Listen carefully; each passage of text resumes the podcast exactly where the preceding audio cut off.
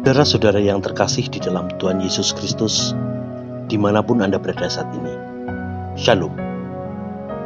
Gembala menyapa pada hari ini diambilkan dari kitab Yehezkiel pasal 37 ayat yang pertama sampai dengan 14 dengan judul Impianku, Harapanku.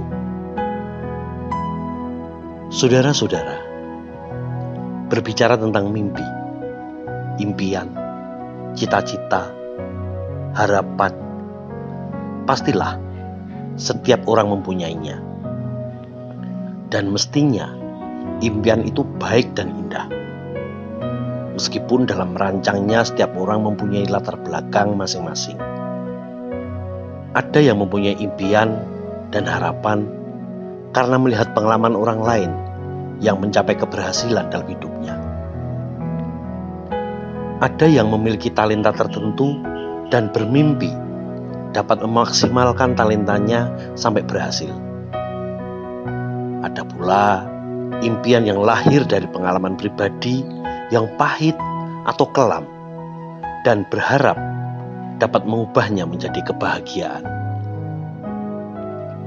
Saudara-saudara, nubuatan yang disampaikan oleh Yehezkiel memiliki bermakna akan datang waktunya Tuhan membangkitkan kembali bangsa Israel. Seperti tulang kering yang kembali hidup. Ini adalah sebuah jawaban sekaligus impian dan harapan bangsa Israel di tengah pengalaman keterpurukan hidup mereka.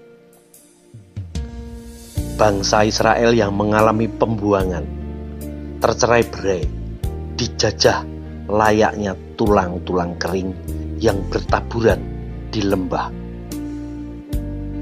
Suatu saat akan dipulihkan dari keterpurukan yang tiada harapan.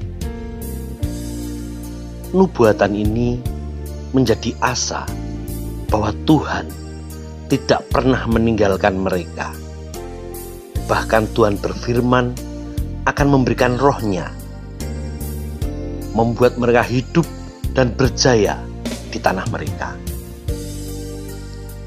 Impian melalui nubuatan Yeskiel ini diberikan dengan harapan bangsa Israel tidak kehilangan pengharapan dan mereka dapat menjalani kehidupan dengan penuh harapan bahwa Tuhan akan memulihkan mereka kembali.